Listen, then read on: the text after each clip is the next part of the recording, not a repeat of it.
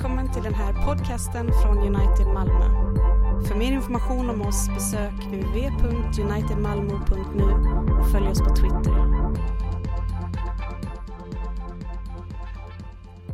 Låt oss förbli bli stående under tiden vi lyssnar till dagens eh, predikotext från första Mosebok 21 och från vers 1 och framåt. Där. Herren sa till Sara så som han hade lovat. Och Herren gjorde med Sara som han hade sagt. Sara ble havende og fødte en son åt Abraham på hans ålderdom, just ved den tid som Gud hadde sagt honom. Abraham gav den son som Sara hadde født åt honom namnet Isak. Og Abraham omskar sin son Isak når han var åtta dagar gammel, som Gud hadde befalt honom. Abraham var 100 år når hans son Isak føddes. Og Sara sa, Gud har fått meg å le, og alle som får høre dette, kommer å le med meg.' Vi fortsetter ifrån första Mosebok 22, och från vers 1 och framåt. En tid därefter så satte Gud Abraham på prov. Han sa till honom, Abraham. Han svarade, ja, här är jag. Och sa han, ta din son Isak, din enda son, som du älskar, och gå till Moria land och offra honom där som brännoffer på ett berg som jag ska visa dig. Tidigt nästa morgon så sadlade Abraham sin åsna och tog med sig två av sina tjänare och sin son Isak. Och sedan han huggit ved till brännoffer så gav han sig iväg mot en plats som Gud hade sagt åt honom att gå till. Och när Abraham på tredje dagen lyfte blicken så fick han se platsen på avstånd. Han sa då till sina tjänare, stanna här med åsnan, jag och pojken går dit bort för att tillbe, och sedan kommer vi tillbaka till er. Abraham tog veden till brännoffret och lade den på sin son Isak. Men själv tog han elden och kniven och de gick båda tillsammans. Isak sa till sin, till sin far Abraham, Far, han svarade, ja min son. Han sa, vi har e- eld och ved, men var är lammet till brännoffret? Abraham sa, Gud kommer att utse åt sig lammet till brännoffret, min son. Så fortsatte de sin vandring tillsammans. Och när de kommit fram till den plats som Gud hade sagt till Abraham, så byggde han ett altare där och gjorde i ordning veden. Sedan band han sin son Isak och la honom på altaret ovanpå veden. Och Abraham räckte ut handen och tog kniven för att slakta sin son. Då ropade Herrens ängel till honom från himlen. Abraham, Abraham! Han svarade, här är jag. Och sa han, lyft inte din hand mot pojken och gör honom ingenting. Nu vet jag att du fruktar Gud, då du inte ens har undanhållit mig, din enda son. Abraham såg sig omkring och fick då bakom sig syn på en bagge som hade fastnat med hornen i ett snår. Abraham gick dit och tog baggen och offrade den till brännoffer istället för sin son. Och Abraham kallade platsen Herren förser. Idag säger man berget där Herren förser. Detta är Herrens ord till oss.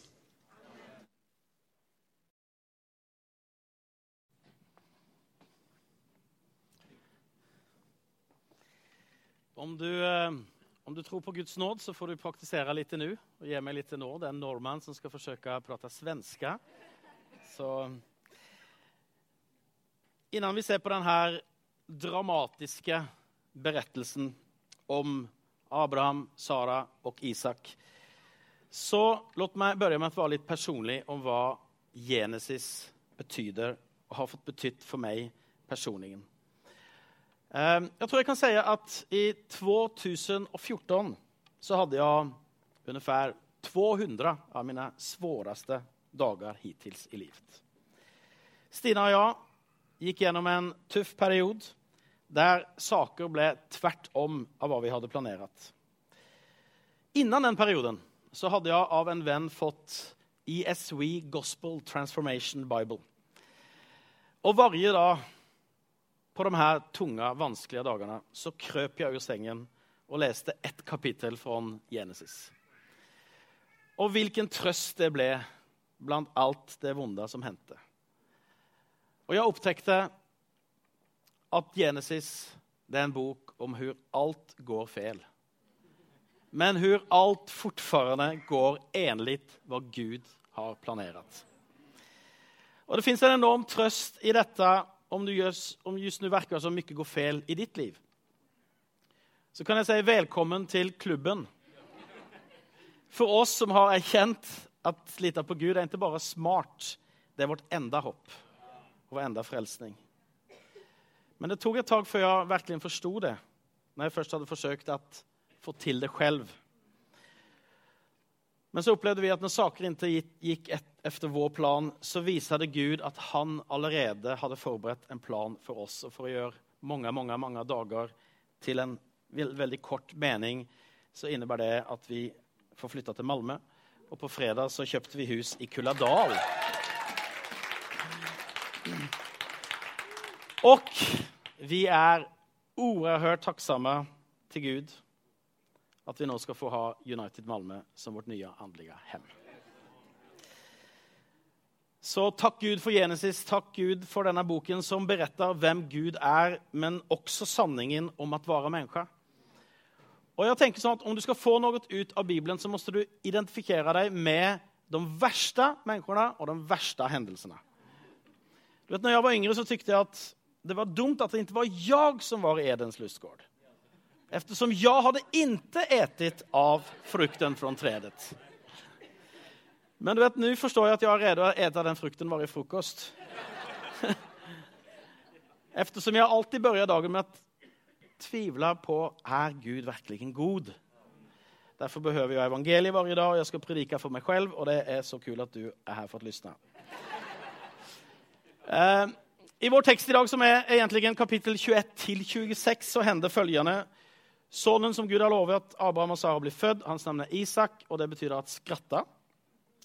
Innan så har Abraham sonen Ismael med sin kjennerinne Hagar Og båda två kastas ut i öknen, men Gud tar hånd om dem. Sedan så kommer denne dramatiske berettelsen i kapittel 22 om hur Abraham oppmannes av Gud at offra sin sønn Isak. Så dør Sara og Abraham kjøper en grav og blir for første gangen eier av en liten del av marken som Gud har lovet hans ättlingar. Isak blir gift med Rebekka, som kommer fra samme familie som Abraham. Isak ljuger om at Rebekka ikke er hans fru, precis som Abraham ljøg om Sara. Isak og Rebekka får tvillingene Esau og Jakob. Esau gifter seg med et, en, eh, et fremmed folk. og teksten sier at det ble en hjertesorg for Isak og Rebekka. Så det börjar med skratt i kapittel 21 og slutter med sorg i kapittel 26. Och gjennom alt dette så verker Gud. Det er naturligvis en enormt omfattende tekst, Men vi kommer å titte på tre punkter. Guds nåd trots vår otro. Gud prøver oss i sin nåd og Guds nåd for framtiden. Punkt 1. Guds nåd trots vår otro. Vi leste at Herren så til Sara så som han hadde lovet, og Herren gjorde med Sara som han hadde sagt. Sara ble havende og fødte en sønn åt Abraham på hans ålderdom just ved den tiden som Gud hadde sagt honom. Abraham ga den sønnen som Sara hadde født honom namnet Isak. Jeg vet ikke om du har tenkt på hva for en sådan fantastisk hendelse beskrives på et sådant nyktert sett. Det er nesten som denne teksten peker nesa til Abraham og Sara og til oss. I åtte kapittel så leser vi om hur Abraham svänger mellom tvivel og tro. Hur han 14 år innan dette forsøkte selv att oppfylle Guds løfte med sin trellkvinne Hagar. Men så kommer endelig den lovade sonen. Sara var dubbelt død i sin livmoder. Hun kunne ikke få barn som ung, og nå er hun dessuten langt over den alderen at noen kan bli gravid. Så det er et enormt mirakel som händer. Hela framtiden åt Abraham og Sara, men også for det som Gud har lovet står på spill. Men enda står det helt enkelt, Herren såg til Sara så som han hadde lovet. Hvorfor er det så? Derfor at det som er forvånende, det som er overraskende, er ikke at Gud gjør hva han har lovet, men at vi ikke tror at han kommer å gjøre hva han har lovet. Jeg mener, Når du går på Stålmannen bio så, så går du med en overtygelse om at han kommer å fikse det. Vi hade sett konstigt på dig om du liksom, nej, jag vill inte se filmen eftersom jag tvivlar på om Stålmannen vinner den här gången. Liksom. Men Gud er mer enn Stålmannen. Han er Gud, den allsmektige skaperen av himmel og jord og av deg.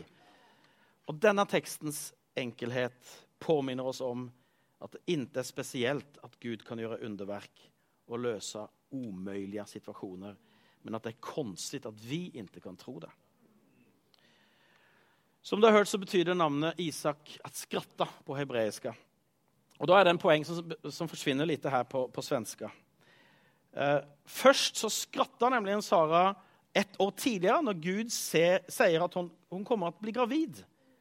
Og det er et skratt i otro. Men nå ødemjuker Gud Sara gjennom å kalle hennes sønn for skratt. Isak. Og det var hva som hender. Guds nåd ødmyker oss. Og vi måtte bare si Hur kunde jeg tvivle? Du, Gud, høll hva du lovet. Så hver gang Sara sa sin sønns navn, så ble hun påminnet om dette. Men nå skratta Sara igjen, og denne gangen i glede over Guds nåd. Så er det faktisk også en til som skratter i denne teksten, og det er Ismael. og Han hånskratter. Og Betydelsen av det skal vi se på litt senere. Men la meg stille en spørsmål. Hvorfor føddes Isak? Var det pga. Abrahams tro eller pga. Guds løfte? Jeg tror at svaret er både to. Men det er ingen tvekan om at det begynte med Gud som ga løftet. Og det var også Gud som så småningom fikk Abraham å tro. Så vi kan si at Gud viste sin nåd på grunn av seg selv, trots Abrahams otro. Når kom Abrahams tro? Abrahams tro kom når Gud viste honom hvem han var, når Abraham var ved slutet av seg selv. For otro det er at ikke lita på Gud. Men har du tenkt på hva det var som Sara og Abraham egentlig kjempet med? Det var ikke så mye hva Gud skulle gjøre, for de, de trodde jo på det. De prøvde jo å hjelpe ham. Men hvordan han skulle gjøre det. Og du og jeg slåss ikke så mye med hva Guds vilje er for våre barn eller for våre liv, men hvordan han skal få det til. For I Sara så ser vi samme synd som hos Eva, som tvivlet på hva Gud hadde sagt var best for henne. Og Derfor er roten til synd å tvivle på at Gud er god. Og Derfor måtte vi høre evangeliet hver dag. For evangeliet åpenbares Guds godhet så at du åter kan lute hele ditt liv på Gud og ikke lite på deg selv. Hva er det som hender når vi tvivler? Jo, da forsøker vi å fikse våre liv, og vi skaper Ismael-løsninger. Ismael det var Abraham og Saras forsøk å hjelpe Gud med hur han skulle løse det. Derfor at De trodde på hva han hadde lovet, men de tvivlet på at Gud hadde tenkt på hur. Og Galaterbrevet forklarer at Isak og Ismael det er et symbol for to sett å leve. At leve i troen på seg selv eller at leve i troen på Gud. Isak kom pga. Guds løfte og Abrahams tro. Israel kom pga. at Abraham skulle redde seg selv, og at han tvivlet på at Gud kunne gjøre det. Når du og jeg lever i tro på oss selv, så kommer vi til å produsere saker som likner på Guds løsning men det kommer til å forstørre hva Gud vil gjøre i ditt liv. Og de sakene vil på et sett hånskratte av Guds løsning. Så du kan ikke kombinere troen på deg selv og troen på Gud. Ismael måtte ut av våre liv, sånn at vi har troen på Guds løfte som sentrum og fundament. Og Jeg vet ikke det er med det, men jeg kjenner meg veldig igjen i Abraham og Sara. Jeg tenderer å tro på hva Gud kan. Jeg tror han kan redde verden, ta hånd om mine barn, gi oss en plass å bo, gi meg et jobb. Jeg skal bare hjelpe honom. Derfor at han ikke er så duktig på hur. Og han er ofte trøg. Veldig trøg, altså. Ta et eksempel fra mitt personlige liv. Ja, jeg tror Gud vil ta hånd om vår økonomi. Men For noen år siden så skulle jeg bare hjelpe Gud å kjøpe noen aksjer. Og en tomt til en stuga og gjøre litt snabba cash. Det var bare noen hundre tusen kroner som eh, som Gud kunne velsigne om han ikke hadde vært så trøg å forstå mitt beste. Aksjene ble til en velsignelse for en børsmeklere som jeg kaller Ismail. Og, eh, og tomten er fortsatt til salu. Du skal få den veldig billig om du heter Ismail. Da du, får du bra pris her. Men i dag så kan du akseptere Guds nåd trots din otro, i stedet for å fortsette å kjempe på selv. Det ble som Gud hadde sagt, på den tid han hadde sagt, på det sett han hadde sagt, trots Abraham og Saras otro. Og nå, kunne de skratte til sammen med Gud. Og det er fantastisk når bønesvaret kommer. Når Gud, Guds løfte oppfylls. Først måste vi lære oss å komme til slutet av oss själva. Det er lidande, det er smärta. Men nåden kommer også med løsninger på sitt sett i sin tid. Og når det er dags å skratte, da er det dags å gi Gud æren og njute av hans løsning. Så hva gjør vi da med våre Ismael-løsninger? Vi bekjenner dem som synd, og Gud kommer til å gi nåd trots din utro. En punkt i denne teksten det er også at Gud velsigner Ismael. Derfor at han er sønn til Abraham. Og Legg merke til at Gud behandler Ismael helt annerledes enn Sara behandler Ismael, eftersom Gud redder hans liv. Og Det fins mye å si om det, men du og jeg er på ett sett ettlinger åt Ismael. Vi er ikke Isaks ettlinger som judene, som faktisk fått løfte fra Gud at en frelser skulle komme gjennom Isak, ikke Ismael. Frelsningen kom først til judene. Det var judene Gud hadde et forbund med, ikke oss hedninger. Så langt borte var du og jeg fra Guds løfte. Så du måste komma ihåg at frågan er ikke hvorfor noen går forlorad, men hvorfor noen blir frelst. Vi fortjener alle at går forlorade. Det er bare på grunn av Guds nåd at noen har blitt frelst. Og ingen er lenger borte enn oss hedninger. Men Ismaels etlinger kan nå bli frelsta av Isaks etling Jesus Kristus. Derfor velsignet Gud Ismael også, så at han skulle bli et stort folk som trots Abrahams mistak skulle bli frelst pga. Guds nåd. Jesus han dør pga. våre selvfrelsningsprosjekt. Våre Ismaels, der vi egentlig vender Gud ryggen og sier at vi skal klare oss selv. Og Jesus han dømdes av Gud i vårt stelle for vår otro, så at Gud kan gi oss nåd trots vår otro. Og vet du hva som hender? Et møte med Hans nåd kommer til å skape tro, så du slutter å slite på dine Ismael-løsninger. Og heller lite på at frelsningen fins i Isak, som er Guds løsning. Og du vet, Når jeg sier alle disse sakene, så blir det mye bildspråk. Eh, og Bibelen er full av symboler. og Jeg tenkte bare benytte muligheten til å si noe om det her med liturgi og symboler. Hvor mange har hørt tales om denne berettelsen om Abraham som skal ofre sin sønn Isak? Det er de aller, aller fleste. Om du ikke forst riktig forstår poenget med liturgi, så, så, er denne historien et veldig bra eksempel på det. Jeg vet ikke om du kjenner igjen noen ting i denne berettelsen. En pappa leder sin sønn opp på et berg for å ofres. Sønnen bar ved fra et tre på ryggen. Berget Moria er formodentlig samme som tempelet i Jerusalem senere bygges på, og er i samme område som en kulle som kalles Golgata. Reisen tar tre dager. På den tredje dagen redder sønnen fra døden av Gud selv. Likner det ikke lite på noe som hender med Jesus, Guds sønn, noen tusen år senere?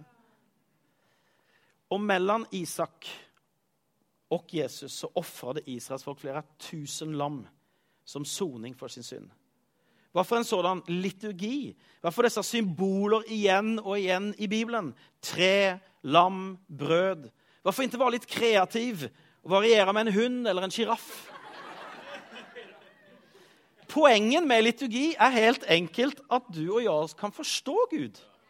At han skal være begripelig for oss. Vi behøver ikke noe nytt og kreativt. Vi behøver det som gjør det enkelt for oss å ta til oss løsningen som er evangeliet. Du vet, Om du har en blomme som er døende, så tykker du ikke at vi skulle være litt kreative nå. Skal vi forsøke vinegger eller sjokolade i dag, kanskje? Vann er litt sånn, litt sånn, det er litt sånn kjedelig. Tråkig. Nei, det er vann som er løsningen for tørka, og det er ordet og bordet som er løsningen for syndere. Og Vi behøver evangeliet hver dag. Og Det får ikke være så kreativ at du måtte være on the edge, modern og mye smart for å kunne fatte hva det betyr. Så fins det de som tenker at nattvard og liturgi endast er symboler som ikke har noen virkelig betydelse. Det er bare litt sånt ritual vi bare gjør for at vi måtte gjøre det. Men du må forstå hva et symbol er.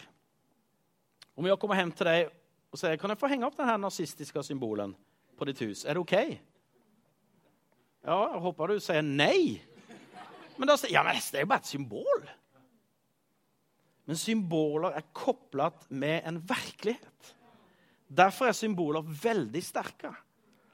Og liturgi, symboler, det er evangeliet inkarnert i vår tid. Det er fysiske symboler for en åndelig virkelighet. Så når vi tar til oss gudstjenesten, som vi gjør her denne søndagen, og symbolene i gudstjenesten, så gjør vi det tro på hva som er sant om Gud. Og det blir virkelig for oss igjen. Og vi kan møte en ny hverdag og få trøsta på evangeliet. Mitt andre punkt Gud prøver oss i sin nåd. Hva er innholdet i denne berettelsen om Abraham som vil ofre Isak? Det er veldig mye, og tiden den tillater ikke at vi går inn på alle detaljer. Men vi leser jo i kapittel 22 at poenget i historien er at Gud satte Abraham på prov. Og nå kalles Abraham i Nye testamentet for troens far. Og Spurgeon, the prince of preachers, som levde på 1800-tallet, han sa i en tal om denne tekst så som Gud handla med Abraham, kan du også forvente deg at Gud handler med deg som er troende. Så Abraham er ikke en uoppnåelig modell. Han er en parallell modell som vi kan kjenne igjen oss i, både fordi han er syndere, men også ettersom Guds nåd kommer til honom. Så hvorfor prøver Gud Abraham? Han prøver ham for hans egen skyld. For å sterke troen og gudsfruktene hos Abraham. Og hva er provet? Du vet, Når det gis et prov, så er vi ofte nervøse og tenker Kommer jeg klare det? Hva skal jeg gjøre? Hvor smart er jeg? Er jeg tilrekkelig bra? Har jeg hva som kreves? Denne test er tvert om. Når Gud prøver oss, så prøver han oss ikke i moral, men i tro. Og hur består du provet? Jo, gjennom at erkjenne at du ikke har hva som kreves. Men at Gud har alt som behøves. Provet er derfor ikke hvor bra du er, men om du tror at Gud er bra nok for deg. Hva er det å være kristen? Det er å lite på Gud og ikke på seg selv. Hvordan blir man bra på å være kristen? da? Gjennom å bli veldig bra på å ikke lite på seg selv og dine egne ressurser, men på evangeliet, som er den gode, de gode nyheten om at alt er redan gjort i Jesus Kristus. Abraham har redan blitt prøvd tidligere, men det tøffeste provet kommer ikke innan han venter på bønnesvaret, men efter. Det er ofte svårest å lite på Gud når du kjenner at du ikke behøver ham.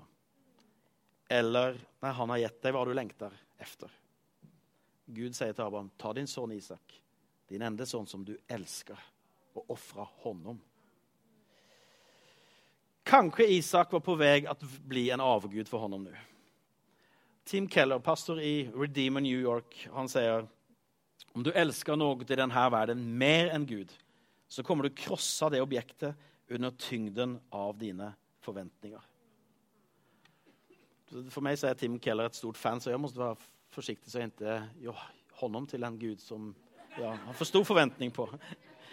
Men poenget er at det er ikke Isak som skal redde verden. Det er fortfarande Gud som skal redde verden gjennom Isak og hans ettlinger. Dette måtte Abraham lære. Objektet for hans tro får ikke flyttes fra Gud til Guds gåve. Men på grunn av Guds gåve er målet at troen på objektet blir større.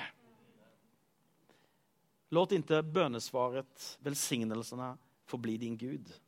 For det er alltid Gud som er svaret. Bønesvaret er et bevis på hvor mye du behøver Gud, og at du kan lite på ham. Det gis ikke til deg for at du skal behøve Gud mindre, men mer. Det er ingen av oss som har vært i nærheten av Abrahams prov, men jeg kan enda kjenne igjen mine egne erfarenheter fra det førre året. Mine drømmer, mine kall, mitt kallelse, min, mitt rykte måtte ofres. Og når man tenker at nå har jeg ingenting kvar, så innser man endelig at nå har jeg jo alt jeg behøver. Jeg har Gud. Jeg har Hans løfte. Og da har jeg alt jeg behøver. Derfor tester han oss, så, så vår tro på honom sterks. Og Det fins noe fantastisk i denne berettelsen, nemlig det at Jesus er den større Isak. For alt i Det gamle testamentet peker på Jesus. Og det her er faktisk første gangen i Bibelen som Guds plan så tydelig avsløres. På Morias berg så er det et djur som får bytte plass med Isak og som ofres. På Golgata så ser vi at Jesus er den større Isak som selv er lammet som byter plass med oss. For du vet, religion det er betring, forbetring. Evangeliet er ersetning. Setter du ditt hopp til din forbetring som kristen, eller til din stellforetredere som er Kristus? Du vet, du blir alltid verre når du forsøker å bli bedre selv. Men du blir alltid bedre når du bekjenner ditt beroende av Honom som er bra nok. Og Gud han er bare nøyd om du er perfekt.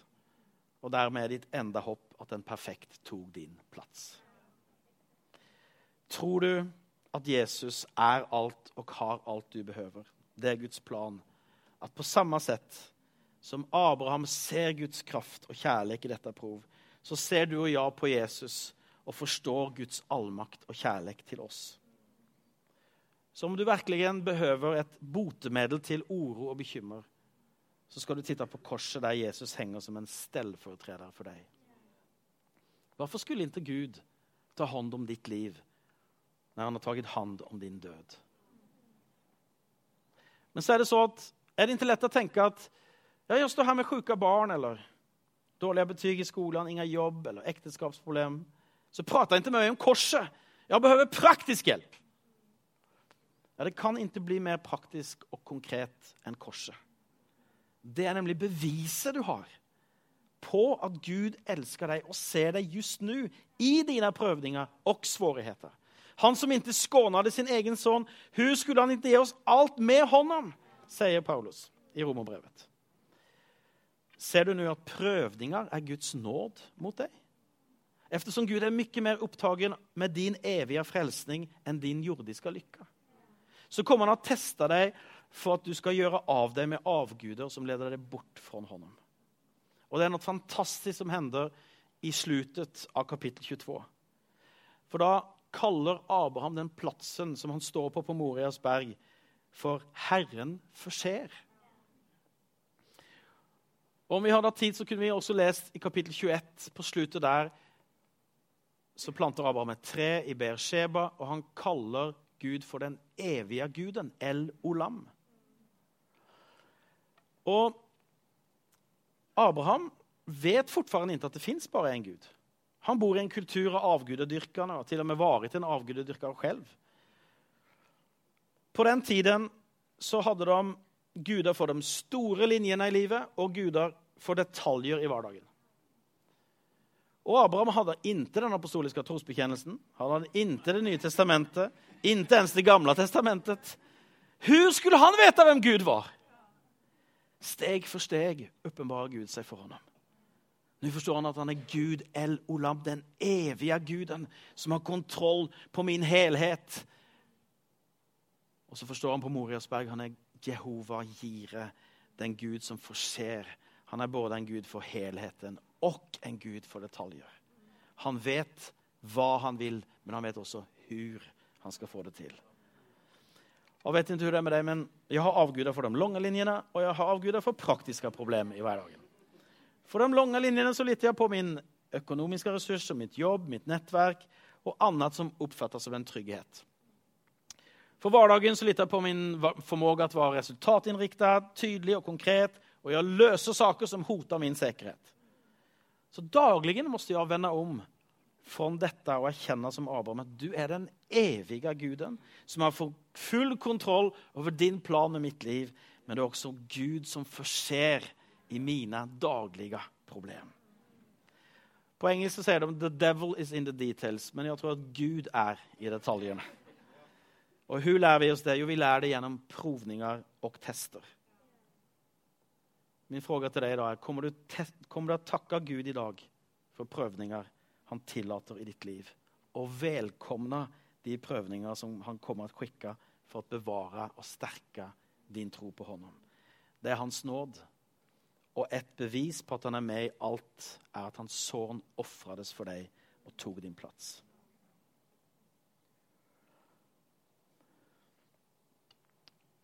Punkt nummer tre Guds nåd for framtiden. Det er mitt siste punkt. Det er, det er kort, og det handler om, om framtiden. For i denne teksten så dør Sara 127 år gammel. Og da kjøper Abraham en gravplass til henne i det land der han er en innvandrer. Og Det står så her i kapittel 23.: Deretter begravde Abraham sin hustru Sara i grottene ved feltet i Makpela, midt imot Mamre, dvs. Si Hebron i Kanans land. Marken og grottene som fantes der, overlet så av hetiterne til Abraham som egen gravplass. Og Dette er altså første gangen Abraham blir eier til en liten bit av marken Gud har lovet at han kommer til å få. Så vet vi at hans barnbarn Jakob tar så småningom hele familien til Egypten, der Josef er prins. Og Sedan går det 400 år innan Gud återigen fører israelsfolket inn i det lovede landet.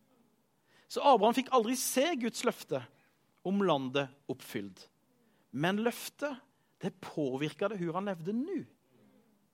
For even i Sarans død så viser han at han trodde på Guds løfte om det lovede landet. Han, ikke, han tenkte ikke nå tar med henne tilbake der jeg kom fra. Nei, Gud har lovet dette landet, så vi begraver Sara her. Og Om vi leser om dette i Hebreerbrevet 11, så ser vi noe veldig interessant. I troen dog alle disse uten å ha fått det som var utlovet. Men de hadde sett det i fjerran, helsatte og bekjent seg være gjester og fremlinger på jorden. De som sier så, viser at de søker et hemland. Derfor skjems ikke Gud for å kalles deres Gud, for han har forberedt en stad åt dem. Gud har nemlig forberedt noe bedre for oss. Først til sammen med oss skal de nå fram til målet. Jeg tykker det her er så vakkert. Gud har forberedt noe bedre for oss. Og Abraham, Isak og Jakob skal en dag til sammen med oss nå målet, som er et nytt folk et nytt land frelsta gjennom troen på løftesånden Jesus Kristus, for å leve til Guds ære i all evighet. Så Guds plan er ennå ikke helt klar. Vi er en del av hans plan, presis som Isak var en del av hans plan. Jesus har kommet. Det utvalgte folket bør fylles opp. Men det himmelske landet er fortfarande i framtiden. Vi er misjonærer her nå. Vi er pilegrimer i et fremmede land. Så vi både lever og dør i troen på at Gud har forberedt noe godt bedre for oss. Og det gir oss perspektiv på hverdagen. Derfor vitner ikke Saras død og begravning om slutet, men om troen på en ny børjan, der synd og død ikke fins mer. Du vet, Om du er på semester på Gran Canaria, så investerer du ikke alt du har, i hotellegenheten du skal bo i i to uker. Tenker nå skal vi investere her, liksom. Du skal jo hjem snart! Når du er en kristen, så investerer du ikke alt i det her jordiske, i det hverdaglige, for du har et annet hjem som kommer til å vare for evig. Gud har redan forberedt din framtid. Tuna inn med hånda. Da kan du slappe av, slappe, slippe en hel del uro og bekymmer på denne jorden. Han er en gud for detaljene. Han er en gud for helheten. Og han er en gud for framtiden. Han gir nåd tross vår utro. Og han prøver oss i sin nåd fordi han elsker oss og vil at vår tro på hans godhet skal bli sterkere. Amen.